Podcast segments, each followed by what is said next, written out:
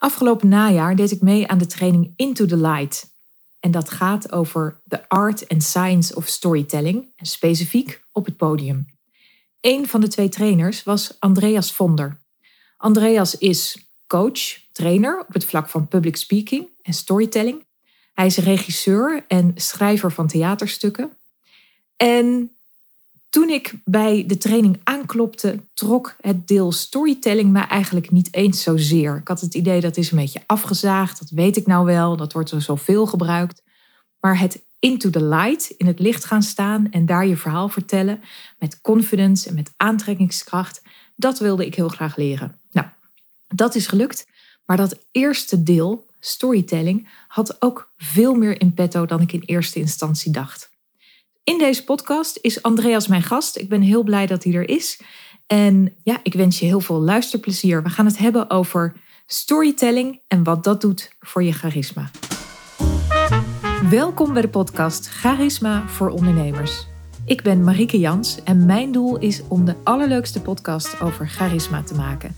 Speciaal bedoeld voor jou als je ondernemer of boegbeeld bent en je wilt leren hoe je op een positieve manier de aandacht vangt.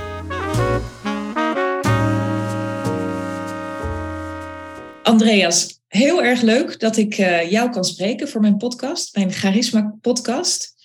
En ik heb gehoord um, dat als mensen aan jou vragen, als er een voorstelrondje is en jij moet je voorstellen dat je dat heel anders doet dan gebruikelijk. Dus ik dacht, hoe doe je dat? Als ik vraag, wil je jezelf even voorstellen? Ja. Dus op het moment dat we iemand ontmoeten, een organisatie, een klant, een eh, bedrijf, dan, dan, dan lopen ze rond met een vraag. En het is dan wel zo leuk om te kijken naar, hé, hey, waar ken ik die vraag nou uit mijn eigen leven van? En als ik me dan voorstel om te beginnen met een anekdote over dat thema wat er speelt. dus om iets te pakken uit je eigen leven en dan vanuit de tegenwoordige tijd even in dat moment te springen en dan iets te vertellen, waardoor iedereen meteen op dat moment weet, hé, hey, we hebben de persoon aan tafel die iets weet over dit thema vanuit zijn persoonlijke leven. Jij bereidt je altijd voor met een verhaal. Ja, en dat kan best dat het gewoon in de trein er naartoe is. Dat ik nog eens bedenk, hé, hey, wat wordt hier nou gevraagd? Waar gaat het eigenlijk over? En dan ga ik zoeken. En, en dan vind ik altijd wel een moment waarvan ik, oh ja, dat is, zo heb ik dat meegemaakt. Zo heb ik dat meegekregen. Zo heb ik hier een ervaring in die ik wil delen. Heb je dat nu ook gedaan? Um, dit gaat over storytelling. Ja. Dus, dus het is 2012.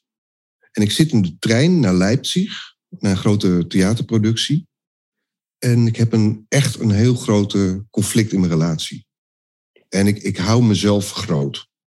En ik zit in de trein en dan lees ik een gedicht in de Volkskrant van uh, Reine Maria Rielke. Ik heb hem hier. Past ook wel bij de herfst waar we nu in zitten. Het heet ook herfst. En het gedicht gaat als volgt. De bladeren vallen, vallen als van ver. Als welkte in de hemel verre tuinen. Ze vallen met onderkennen en gebaren. En in de nachten valt de zware aarde uit alle sterren in de eenzaamheid.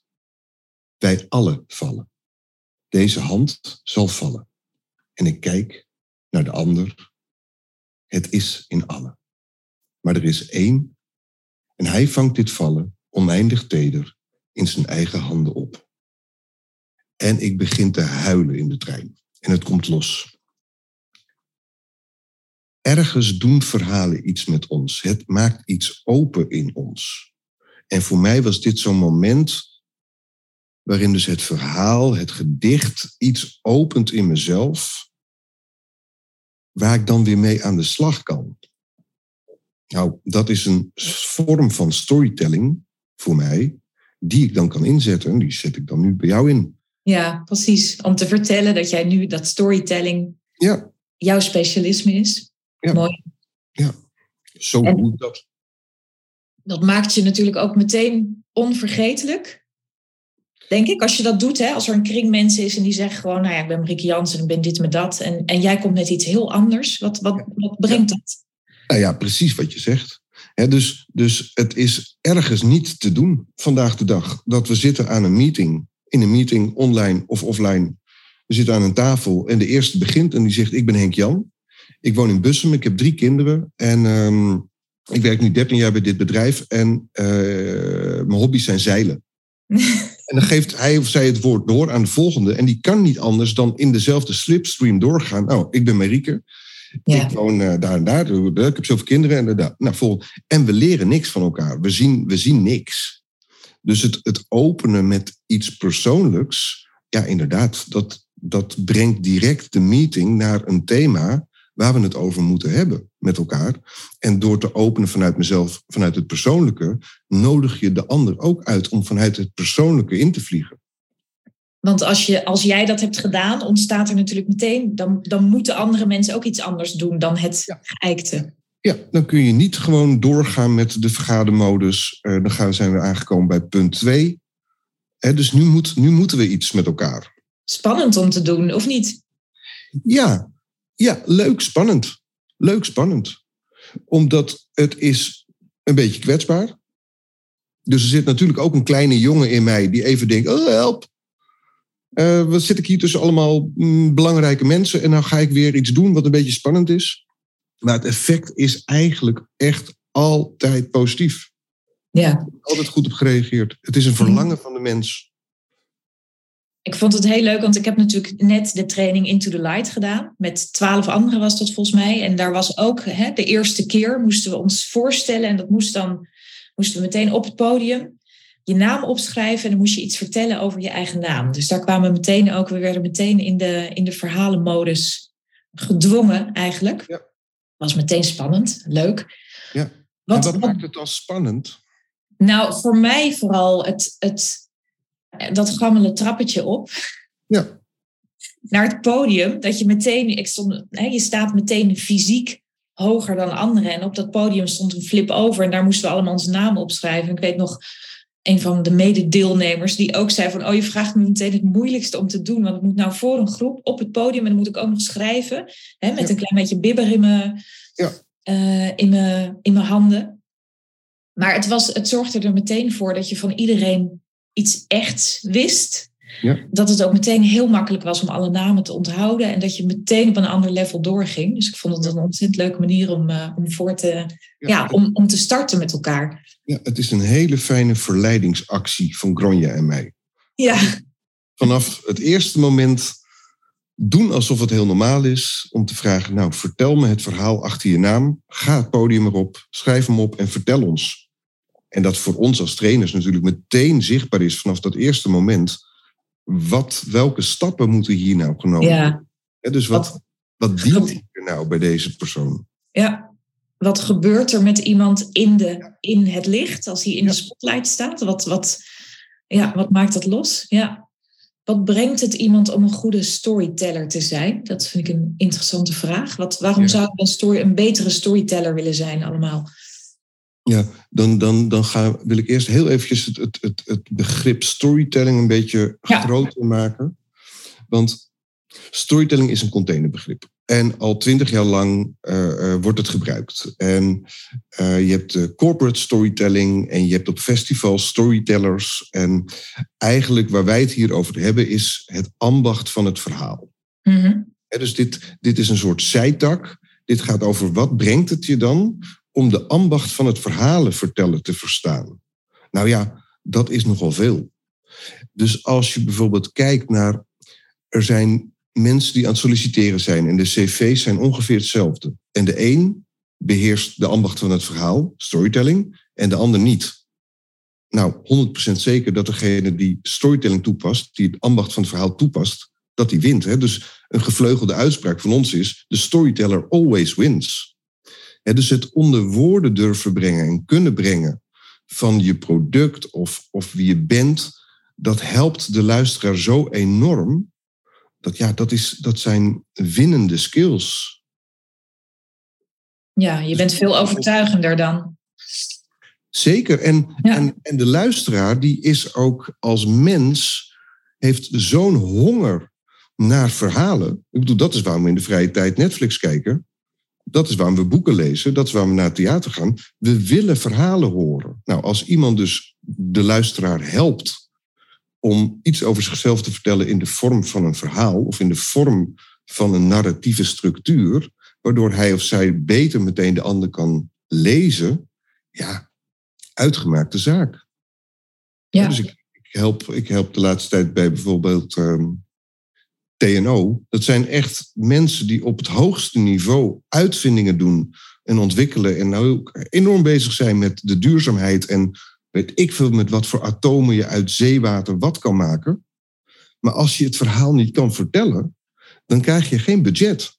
Dus er is alles aan gelegen dat ook op het moment dat je in de topwetenschap zit en het soort bewijs er ligt, het moet ook nog verteld worden ik, ik vond het voordat ik, me, voordat ik mee ging doen, dacht ik bijna ja, storytelling, dat weten we nou wel. Het wordt al zo vaak gebruikt en dan moeten we natuurlijk gaan vertellen wat er moeilijk was en wat we, wat we overwonnen. En dat het bijna een beetje, omdat het zo populair is, bijna een beetje afgezaagd is. Maar eigenlijk kwam er ook ja, iets heel universeels boven, namelijk dat het, het is altijd interessant om zeg maar, het, het echte verhaal te horen. Van, het is altijd interessant om te horen wat heeft iemand dan overwonnen om hier te komen, om hier te zijn. Dat, dat, ik vond het echt wel een eye-opener. En ik merkte dat ik veel te. Ehm, omdat het zo populair is, dat ik het een beetje in een. In een ja, dat, dat ga ik dan dus niet doen. Weet je wel, dat doet iedereen al. Ik heb precies hetzelfde gevoel. En ik had dat ook jaren geleden. De storytelling, dat komt voor mijn gevoel maar op twee manieren. Dat was de corporate storytelling. Wat voor mij gewoon window dressing was. En ik dacht, dat ga ik echt nooit doen. Ja. Ik ben een theatermaker, ik ben een schrijver. Ik ga niet meehelpen met een soort mooi verhaal verzinnen voor een bedrijf. Ja. En de andere storytelling die ik kende was van festivals. Er zaten daar volwassen mannen in jurken op een, op een, op een poef. En die zeiden dan, als er, als er een paard in het verhaal voorbij komt, willen jullie dan meeklappen? Ik dacht, dat is een kinderachtige lul. dus er is met storytelling is er gewoon is zo'n containerbegrip. Het kan zoveel kanten op. Ja. Dat jouw argwaan heel goed te begrijpen is. Ja, en dan is er gelukkig iemand uit jouw omgeving, Edo, die dan tegen jou heeft gezegd: Moet je luisteren, Marieke, dit is wel tof. Ja. En dan blijkbaar sturen we toch op onze peers, op onze omgeving. Als die zeggen iets is tof, nou, ja, Edo, even als toelichting. Edo is, mijn, uh, uh, is een van de videografen waar ik mee werk, vaste videograaf. En die zei, ga dat doen. En wat me ook, wat de reden, zeg maar de echte reden dat ik kwam, is ook om op het podium, in het licht, in de aandacht, om daar met meer gemak te staan. Ja. Dat was eigenlijk mijn hoofdreden. Want dat is natuurlijk een. een um, nee, laten we nog even het uitstappen wat je net zei van die corporate storytelling. Heel vaak zien we het natuurlijk ook ingezet worden voor marketing. He, dan begint het, het begint met een mooi verhaal en het eindigt met een oproep om iets te kopen. En ik denk dat, dat daar ook een soort vermoeidheid in zit voor, um, voor, veel publiek. Ik, ik, denk dat dat was misschien ook een beetje jouw aversie van het is verkapte marketing, of niet? Ja, ja, ja. ja, ja. En prima dat ze doen, want het, het, het schijnbaar werkt het, maar het is niet voor mij. Het is niet waar ik mensen in wil helpen en trainen. Uh, laat andere mensen dat doen. Ja. Op het moment dat ik met leiders werk van een organisatie, dan ga ik ook altijd naar kijken naar wat is nou het leiderschapsverhaal, in plaats van wat is het corporate verhaal, of wat is het verhaal van deze organisatie. Want ik wil dat die leider, hij of zij, zichzelf insluit ja. in zo'n verhaal. Want daarmee krijg je mensen mee, daarmee krijg je eigen mensen, je eigen organisatie mee. Terwijl op het moment dat je een mooi verhaal vertelt over de organisatie en je laat jezelf erbuiten, ja, dan beklijft het helemaal niet. En dat is natuurlijk zo'n spannende stap, helemaal als leider. Om, want in, in dat jezelf meenemen zit natuurlijk altijd een vorm van kwetsbaarheid. Daar kan je niet omheen, denk ik. Ja. Tenminste, anders heb je niet een, niet een interessant verhaal te pakken. Dus daar voelt het toch een beetje alsof je in je hemd staat. Nou ja, in je hemd staat. Dus je, je hebt het zelf ook meegemaakt. Dus verhalen gaan over verandering. En al het begin van verandering is super moeilijk. En het middengedeelte van een verandering is messy. dus wat we de struggle noemen. En het is niet leuk om je struggle te vertellen. Dat is gewoon, dat wordt nooit leuk. Om te vertellen hoe diep je zat en hoe, hoe, hoe moeilijk het was en hoe je even geen uitweg zag. En het eindigt in een verhaal natuurlijk altijd in de result. Het, en dit zijn de lessons learned. En dan trek je in één klap die leerlijn weer omhoog. Ehm, want ik ben door een dal gegaan en het heeft me iets opgeleverd. Dat maakt die kwetsbaarheid weer uh, verteerbaar, omdat het heeft ergens toe geleid. Dus ja, hoe kwetsbaar is dat dan? Het is, het is gewoon niet zo leuk om te vertellen waar het misging. En tegelijkertijd voor het publiek is het het allerbelangrijkste om te horen dat het misging. Want daar kunnen we ons aan, aan, aan, aan spiegelen. Dat kennen we als mens. Op het moment dat we één groot succesverhaal gaan vertellen, dan denk ik, nou, lekker voor jou. Uh, ik zit nog steeds te struggelen. Ik, um, ik weet dat um, ik wilde natuurlijk een verhaal over charisma vertellen. En in de, in de aanloop daarnaar, in, het, in, het, uh, in de oefening daarvan, vroeg jij me natuurlijk heel erg te vertragen, precies op de punten die het pijnlijkst waren van wat, hoe, hoe, heb ik dan gestruggeld om bijvoorbeeld verlegenheid te overwinnen of om uh, met schaamte om te gaan? Wat gebeurde daar dan precies om echt op dat? Daar, ja, ik merkte dan toch van, ik dacht dat ik het vrij aardig voor elkaar had, zeg maar, qua verhalen. Maar dat ik op die punt versnelde en jij vroeg, ja, maar precies daar, wat, wat gebeurt daar? En dat voelde inderdaad heel, dat je denkt, oh nee, daar heb ik eigenlijk helemaal geen zin in om daarbij, uh, ja. Ja. om daarop in te zoomen. Ja, ik was bang dat ik mijn charisma een beetje, voor zover ik dat al heb, of voor, hè, dat het gevoel van oké, ik moet zelfverzekerdheid uitstralen, want dat hoort erbij. En dit, dit was natuurlijk juist het omgekeerde.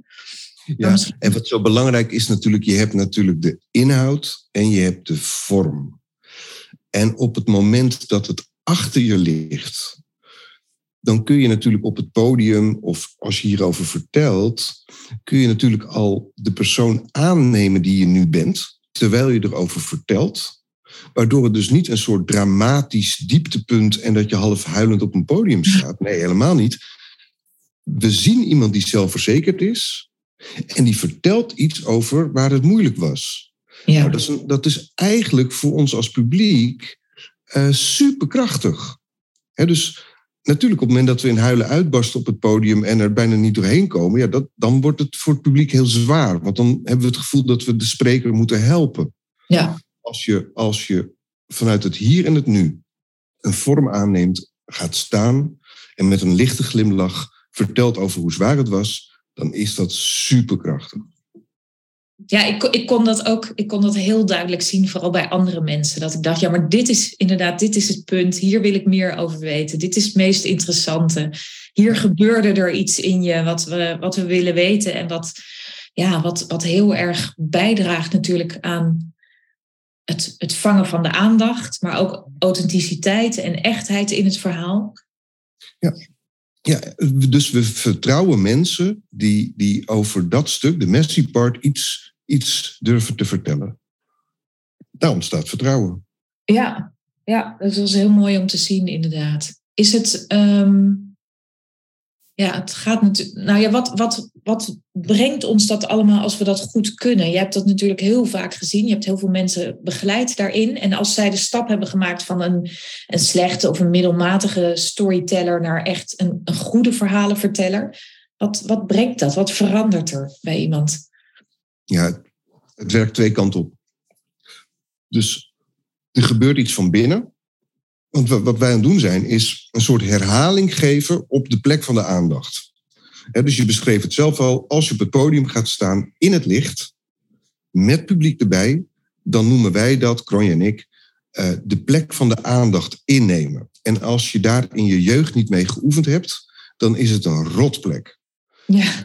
Ja, dan is het gewoon een rotplek. Want die ogen die naar jou kijken, daarvan heb je het idee dat het kritische ogen zijn. En dat die erop uit zijn of om jou te zien vallen, of om te mislukken, of dat je je veel te groot maakt omdat je helemaal voor het publiek gaat staan. Terwijl wie ben jij nou eigenlijk om daar te staan? Mhm. Door in de training zoveel te oefenen, zijn we eigenlijk de hele tijd positieve ervaringen aan het toevoegen aan dat mandje uh, plek van de aandacht. Dus als je dit in een training hebt geoefend en je bent zes weken bij ons geweest, uh, dan voel je als vanzelf, dus de, de neuroplasticiteit dat je niet meer het, het negatieve paadje pakt, maar er is nu ook een positief paadje. Dus er zijn positieve ervaringen en door te voelen, hey, ik heb dit nu een paar keer gedaan en dat ging supergoed. Hoe deed ik dat nou ook alweer? Word je als vanzelf rustiger en zelfverzekerder. Dat is naar binnen. Naar buiten toe heb je natuurlijk opeens tools van, oh ja, als ik mijn verhaal zo maak, dan klopt die. Dus ik hoef niet meer avond op avond na te denken over wat wil ik eigenlijk vertellen. Nee, eh, eh, het is super simpel hoe een verhaal eruit ziet. Iedere film, ieder boek en ook iedere presentatie volgt de lijn van de car. Dus context, actie, result. Zo simpel is het. Dus ik denk dat door dat te trainen, want het is gewoon echt een spier, door hem te trainen, ja, word je steeds beter. Ja, ja, ik zal even heel kort dat CAR toelichten. Hè. Je begint met het schetsen van de context. Waar en wanneer gebeurde het? Wat was er aan de hand? De actie is de messy part, wat je net noemde. Van, hè, de, de hele, uh, om een, een, verandering zeg maar, te maken. Alles wat je daarin tegenkomt. En het result is als je het... Als, als je de les hebt geleerd en de les kan doorgeven. nou ja, goed, een hele korte samenvatting. Ja, maar heel goed, dat is het. Ja. Voor de luisteraar ook. Dus dus wees je bewust dat die R, die result, dat einde, wat je geleerd hebt en wat je je publiek wil meegeven, die moet je ook helder hebben. Want, of helder hebben, die moet je helder maken. Want als je nog alleen in die struggle zit, of je zit in die messy part, dan mag je er geen storytelling op toepassen. Want jij hebt zelf nog niets daaruit gehaald om mee te geven. Ja, het dwingt je ook om na te denken over die les. Ja, ik ben natuurlijk ook heel erg bezig met hè, hoe, hoe vang je de aandacht en hoe houd je de aandacht vast. En um, misschien is storytelling wel een, een, prachtige skill, een vaardigheid om daar veel beter in te worden, denk ik. Is, zou jij dat ook charismatisch noemen of is dat voor jou iets heel anders? Ja, dat moet ik dan even voelen en denken. Dus, dus het, het, voor mij gaat het over authenticiteit. En, ja. en het is jouw vak, het is jouw vakgebied in hoeverre authenticiteit, hoe die zich verhoudt tot charisma. Dus ik heb, ik heb daar nog geen boek over gelezen, dus ik mag er ook niks over zeggen. Maar voor mij gaat het over authenticiteit. En als je het hebt over opnieuw organisaties of leiderschap, de authentieke leider, hij of zij, um, die wordt dus vertrouwd. Nou, wat is het allerbelangrijkste om een organisatie te leiden? Dat is vertrouwen.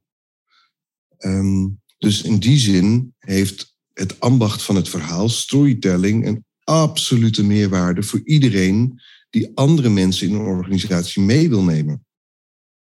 Ja, ik, ik geloof ook dat het heel erg zo is. Dat het veel ook aantrekkelijker is om. Je kan in verhalen kan je natuurlijk veel meer het voorbeeld geven ook. Het voorbeeld zijn en laten zien hoe iets werkt. En, precies, uh, precies. Ja. is het bewijs. Ja. Dus ik kan zeggen, we moeten innovatief zijn. Ja, wat, wat moet ik met zo'n begrip, innovatief? Maar als ik een verhaal vertel over hoe ik zelf iets van innovatieve oplossingen heb bedacht en wat me dat opleverde en hoe ik ook door de messy part ben gegaan, maar uiteindelijk heeft het ons zo geholpen, dan hoef ik niet te zeggen dat we innovatief moeten zijn, want ik heb het bewijs geleverd in het verhaal. Ja. Misschien was ook wel een van mijn bezwaren, is dat als we allemaal zo'n verhalenverteller worden, dat we dan ook weer allemaal een beetje op elkaar gaan lijken. Maar... Ja, maar ik denk dat ieder mens heeft een persoonlijk verhaal en, en daarin verschillen we ook van elkaar. Ja. dus um, ja, het is super jammer op het moment dat iedereen ongeveer het verhaal vertelt over die promotie die niet doorging. dus dat er drie mensen achter elkaar daarover vertellen. Dat je denkt, ja, nou, dan ken ik het promotieverhaal wel. Ik wil daaronder horen, wat doet dat nou met iemand? Dat ergens ben je bezig met je carrière en met groei en dan word je gestopt en dan ga je de kelder in. En wat, wat wordt daar dan getriggerd? Goed, dan wordt het weer een interessant verhaal. Maar je hebt gelijk het, het, hetzelfde geldt natuurlijk voor hoe bij jullie trainen in lopen op een podium. Het, het kan natuurlijk super stom zijn op het moment dat we drie storytellers hebben die precies dezelfde choreografie op een podium uitoefenen. Maar ja, dat is het leren. Eerst moeten we het leren en daarna kunnen we het weer loslaten en dan kunnen we weer eigenheid daarin brengen. Maar je hebt gelijk dat, dat om, om, om het onder de knie te krijgen, moet je ook inderdaad bepaalde schoolse uh, dingen leren. En het zou super saai zijn als we alleen maar vanuit deze school iets vertellen. Maar ik geloof wel heel sterk dat als je de basis eenmaal hebt en iedereen kan dan variëren, dat iedere vergadering, iedere meeting, alles zou echt zoveel leuker zijn uh, dan hoe het er nu naartoe gaat. Ja, dat ben ik met je eens. Want er zijn natuurlijk nog, hè, alhoewel het een populair begrip is, zijn er denk ik nog niet zo heel veel mensen die het echt toepassen. Tenminste, ik zie als ik bijvoorbeeld op LinkedIn kijk, zie ik ja, wel, wel een beetje vanuit de marketingachtige context ingestoken. Maar als je het echt hebt over leiders, over boegbeelden van merken en hoezeer die ook verteller zijn, dan is er nog echt een wereld te winnen, denk ik. Vind jij dat ook? Zeker, zeker. En, en, en um, dus bij de training die jij hebt gevolgd, concentreren we ons heel erg op, op jou als mens, als persoon en jouw levensverhaal. Tegelijkertijd, je mag ook natuurlijk iemand anders gebruiken. Dus leiders kunnen natuurlijk ook iets vertellen over de inspiratie die zij hebben gehaald uit een grote denker of een filosoof of een. En daarover storytelling toepassen. Dus je kunt ook vertellen over de struggle die iemand anders heeft gehad. Wat jou diep geraakt heeft en geïnspireerd heeft. Dus het is niet zo dat we alleen over onszelf mogen praten. Je kunt ook de verhalen van anderen gebruiken. Ja, ja. Ik zit te denken wat, wat er ook, wat er natuurlijk heel erg voor nodig is om een verhaal te vertellen, is ruimte durven innemen. Je zou ook met direct de conclusie kunnen geven of direct de, de les die je iemand wil leren. En, en je gaat natuurlijk echt even stilstaan, want in dat verhaal en dat, dat, uh, dat, dat leer jij mij ook, ons ook durven even stil te zijn, uh, vertragen op sommige plekken in je verhaal om echt tijd te nemen. En dat is natuurlijk een beetje gaat in tegen onze tijdgeest waarin alles snel moet. En dit is, uh, oké, neem een aanloop, vertraag op sommige punten, zoom in, wees even stil. Ja, uh, want, wie, wie, want wat, wat is de boodschap voor het publiek op het moment dat iemand vertraagt? Of als iemand rust heeft? Of als iemand pauze laat vallen? Wat is de, welke conclusies trekt het publiek dan? Ja, ik denk, ik denk dat het. Als publiek is het sowieso prettig als je ruimte hebt, want dan kunnen dingen ook inzinken. Maar je, als je daar staat en je doet dat, dan. Ja, je neemt dus echt bewust meer ruimte in dan, dan je denkt dat je mag of zo. dat je, ik, ik, voor mij in ieder geval gold dat zo. Dat je bewust denkt van oké, ik ga hier gewoon volop staan. Ik, um, um, uh, ik neem de tijd in van, van mensen. Ik vraag ze echt met me, of ik nodig ze uit om met me mee te gaan in mijn verhaal. En dat is misschien wel anders dan dat we, ja, alles moet snel, alles moet kort, alles moet to the point. Dit is totaal anders natuurlijk. Ja, dus voor mij als publiek zie ik iemand die klaarblijkelijk zo zeker is van zijn of haar zaak dat ze het, de tijd durven te nemen. Dus de senioriteit groeit echt to the max als je tijd neemt. Ja. dus vaak jonge mensen die ik help in organisaties, dat gaat bijna altijd over de snelheid. ja. Dus die hebben het idee, ik mag hier eigenlijk helemaal niet staan. Ik weet niet of ik genoeg weet. Dus ik, ik ren door mijn verhaal heen en dan spring ik het podium af. Terwijl ze, wat ze moeten leren is dat als je de snelheid terugschroeft en je neemt de tijd, dat jouw senioriteit groeit en dat de ander jou veel serieuzer gaat nemen. Ja. Dus het, is ook ja, dat, je, dat je er um, op vertrouwt dat je verhaal interessant is en interessant genoeg om naar te luisteren en ook om dat met aandacht te beluisteren. Ja. Ja. ja en tegelijkertijd, dus dat zeg ik ook vaak, is dat we denken dat we beoordeeld worden. Maar op het moment dat je een andere mindset gebruikt en je zegt: hé, hey, ik heb mij goed voorbereid, want dat vind ik wel belangrijk, je moet je wel voorbereiden. Ik heb me goed voorbereid voor mijn publiek. En nu ga ik het verhaal vertellen aan mijn publiek en aan het einde zitten daar een paar lessen in waar zij iets mee kunnen. Dan kom ik dus eigenlijk een cadeautje brengen. Dus de mindset voor het podium opgaan of voor een groep gaan staan, is niet ik ga hier staan en ik word beoordeeld. Nee, mijn mindset is ik heb me goed voorbereid. Ik heb er tijd in gestoken. Dat doe ik voor jullie. Ik heb een cadeautje. Hij is nog ingepakt. En in de komende paar minuten ga ik mijn cadeautje voor jullie uitpakken. Nou, wat is er leuker dan Sinterklaas te spelen? Ja, ik denk dat, dat mensen altijd tijd hebben voor spannende verhalen en voor verhalen met een mooi plot en met mooie wendingen en zo. Ja, ik wil heel even naar video gaan, want online video, hè, dat is natuurlijk een onderdeel van waar ik, waar ik mensen mee help. Boegbeelden, om, om te schrijven, maar ook om korte video's te maken en om nieuwsgericht te, te kunnen spreken, vertellen, schrijven. Maar dat stukje video, heb jij daar hè, zo heel kort, dat meestal, meestal moet dat kort zijn dan. Heb jij daar een, een, een storytell-idee of een tip voor? Of een, eh, ik vind het namelijk altijd best spannend om daar meer verhaal in te brengen. Ja. Om het uh, verhalender te maken.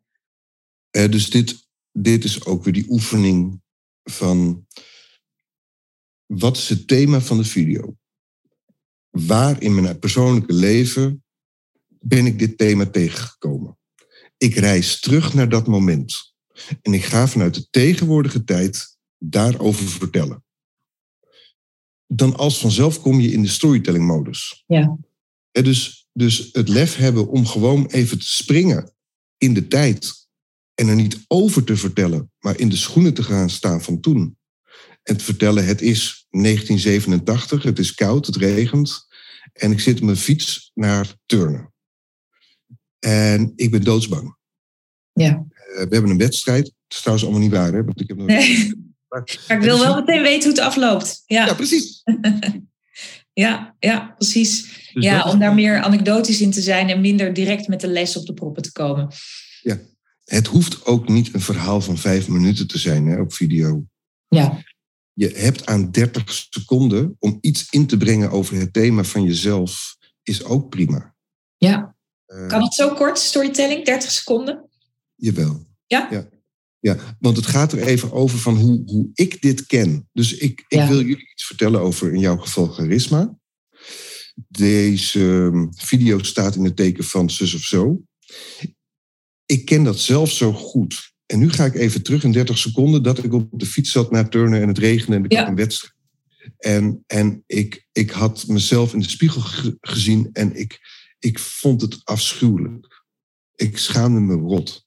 Nou, dan, dan heb ik ergens al iets gedaan, waardoor Ja. de beelden zijn in het hoofd van de luisteraar, of in dit geval de kijker, eh, waardoor ik helemaal opensta om te horen van jou als expert van hé, hey, hoe, hoe doe ik dat dan? Want ik herken het. Ja, ja. Ja, het is voor mij echt een uitnodiging om dat weer meer in te brengen in, eh, in video's. Ehm, en om toch weer meer te denken aan wat zijn nou leuke anekdotes en, en, eh, en ja, daar iets meer ruimte inderdaad in te durven nemen. Heb je nog meer voor luisteraars? Een, nog een, een hele goede storytell tip? Iets wat je bijvoorbeeld denkt van nou, als je, als je dat doet, dan wordt je verhaal al veel leuker. Dan is het veel makkelijker om de aandacht te vangen. Het eerste is natuurlijk uh, keihard promotie. Uh, dan moet je natuurlijk naar mijn training komen. Naar de training Into the Light van Ja. bij, uh, bij Art Partner. Sowieso, ja. Tweede tip. Nou, wat ik het nu net over heb. Ergens is het een spier. Ja. En die spier die moet je trainen. En je kunt, net als in de sportschool, niet beginnen met 100 kilo. Dat gaat niet. Hoe leuk is het om een spelletje te spelen? Met vrienden of familie, je partner of je kinderen. Om te kijken, ik ga proberen deze week steeds te reageren vanuit een kleine anekdote. En die anekdote, die heeft dus iets te maken met waar we het nu over hebben. En ik, ik reis even af en ik ga heel kort een anekdote vertellen vanuit de tegenwoordige tijd. Uh, het is puntje, puntje, puntje. Ik ben puntje, puntje, puntje. En ik voelde me puntje, puntje, puntje. Nou, dat is die spier. Ja, het is is de tijd. Ik ben is de plaats. En Ja. ik voel me, ja, dat is duidelijk. Ja, Ja, dus, dus ergens moet je ook de lol erop uh, in, in zien te krijgen. En daarom moet je ook niet meteen proberen om op het hoogste podium uh, een, een, een TEDx van 17 minuten te doen. Uh, nee, het gaat over het kleine. Het gaat over het oefenen. Het gaat over Ja. de lol die je erin hebt om anders te reageren dan dat je gewend bent. Ehm, soms zullen mensen gek opkijken. Nou ja, er zijn ergere dingen in de wereld. ja, ja. Het is, het is, ik vind het altijd heel leuk om daar naar te zoeken. Naar van wat is nou een goede anekdote hierbij. En om overal de kleine verhaaltjes in te zien. Ontzettend leuk om daar met mensen naar te zoeken. Ja, maar dan zul jij ook het, het plezier daarvan, dat, uh, dat zul jij volop kennen. Zeker. En, Ja. en, En, en het is ook zo fijn om het wel soms samen te doen, omdat we zo blind zijn soms voor onszelf. Dus, dus die eigen ervaring, die kunnen we ook downsizen. Van ja, hoe belangrijk was dat nou eigenlijk? Ja. Terwijl voor een buitenstaander, die kan je zo helpen met, ja, je zegt wel dat dat heel makkelijk afging of dat het niet zo erg was. Maar wat ik hoor, en vanuit mij gezien, wow, wat knap. Ja. dus hebben we ook de ander hierin nodig om jouw verhaal op waarde te kunnen schatten. Want natuurlijk, nadat je dingen hebt meegemaakt en je bent weer een tijdje verder. Ja, als je dan terugkijkt, denk je, nou, hoe, hoe zwaar was dat nou? Ja. nou toen tijds wel zwaar. Ja, ik herken dat heel erg van klanten die dan ook denken, ja, maar dit is toch niet interessant om te vertellen. Dit is toch niet, weet je wel, dit is zo... Ehm, nee. Of logisch of, of ja, sukkelig, weet je wel. Dat ook vaak van dat, ja, dat slaan we even over. Maar juist daar, juist daar is het leuk. Ja. Ja, ja mooi. Dus veel oefenen, een spier die je kan trainen. En ehm, om elke keer de anekdotes, om daar het verhaal uit te halen. Met die mooie CAR-methode. Ja, precies. actie, result, result. Ja. Leuk. En heb je nog een, een persoonlijke tip voor mij? Je hebt mijn verhaal gezien over charisma. Misschien overval ik je. Een persoonlijke tip voor jou. Waar, zou ik, waar, waar moet ik aan werken, vind je? Kan ik aan werken? Ja, je hoeft natuurlijk nergens meer aan te werken. af. dus na, na onze training ben je af. Nee, ik denk dat het altijd weer over plezier gaat. Dus als je, jij kunt goed presenteren, je hebt een mooie stem, ook wat je op video doet, ziet er allemaal super mooi uit. En ik gun je zo het plezier. Dus dat het leuk wordt om te denken, er komt een training aan en ik ga handen wrijven, want ik wil zo graag, ik wil zo graag. Ja, um, ik, ik voelde dat nu wel. Ik zou dat meer willen voelen, ook nog ja, ik, ik, ik kan me ook voorstellen dat daar nog meer, nog meer plezier in zit. Bijvoorbeeld ook in video's nog meer plezier. Door naar uit te kijken. Ja, naar die laatste performance had ik echt uitgekeken. Ja, die vond, ik vond het echt fantastisch om te doen. Ja. Maar dat is een, natuurlijk een enorme belangrijke drijfveer. Ja, ja, ja. En, en daarin ook ergens een soort te mogen rusten van... wauw, ik krijg de kans. Ik heb hier naartoe gewerkt. En nu ga ik ook gewoon shinen. Ik ga het ook gewoon doen. En dat heb je al heel sterk in je. En tegelijkertijd denk ik van, oh ja, dat plezier, dat mag echt de boventoon nu gaan voeren. Ja, mooie tip, dankjewel. Of mooi advies, het is meer dan een tip. Ja, die ga ik uh, onthouden, meenemen. Dankjewel voor dit gesprek. En, uh, en ook voor de afgelopen week. Ik heb er enorm van genoten. Dat, uh, ja, Into the Light. Ik zal um, um, ook een linkje daarvan in de show notes zetten. Fijn. Ja, enorm dank, Andreas. Heel graag gedaan. En uh, waarschijnlijk weer tot de volgende keer. Zeker. Superleuk dat je geluisterd hebt naar dit interview, naar dit gesprek met Andreas Vonder. Ik hoop dat je het interessant vond, dat het je aanmoedigt om ook meer in verhalen te gaan denken. In de show notes vind je de gegevens naar de training Into the Light en de link naar Art Partners, waar Andreas associate partner is. Ja, wil je meer weten over mijn dienstverlening, boegbeeld online en hoe je met charisma naar buiten treedt? Dan verwijs ik je natuurlijk heel graag door naar mijn website, marikejans.com. En als je denkt, ik ben toe om daarover in gesprek te gaan, om mijn rol als boegbeeld naar buiten toe echt aan te gaan en in te vullen, dan spreek ik je heel graag. Dat kan via DM op LinkedIn of Instagram. En als je wilt reageren op deze uitzending, vind ik dat natuurlijk ook heel erg leuk om te horen. Vond je het leuk en wil je me aanmoedigen? Geef dan vooral een mooie rating voor deze podcast. Dank je wel nogmaals voor het luisteren en ik ontmoet je heel graag in een volgend verhaal.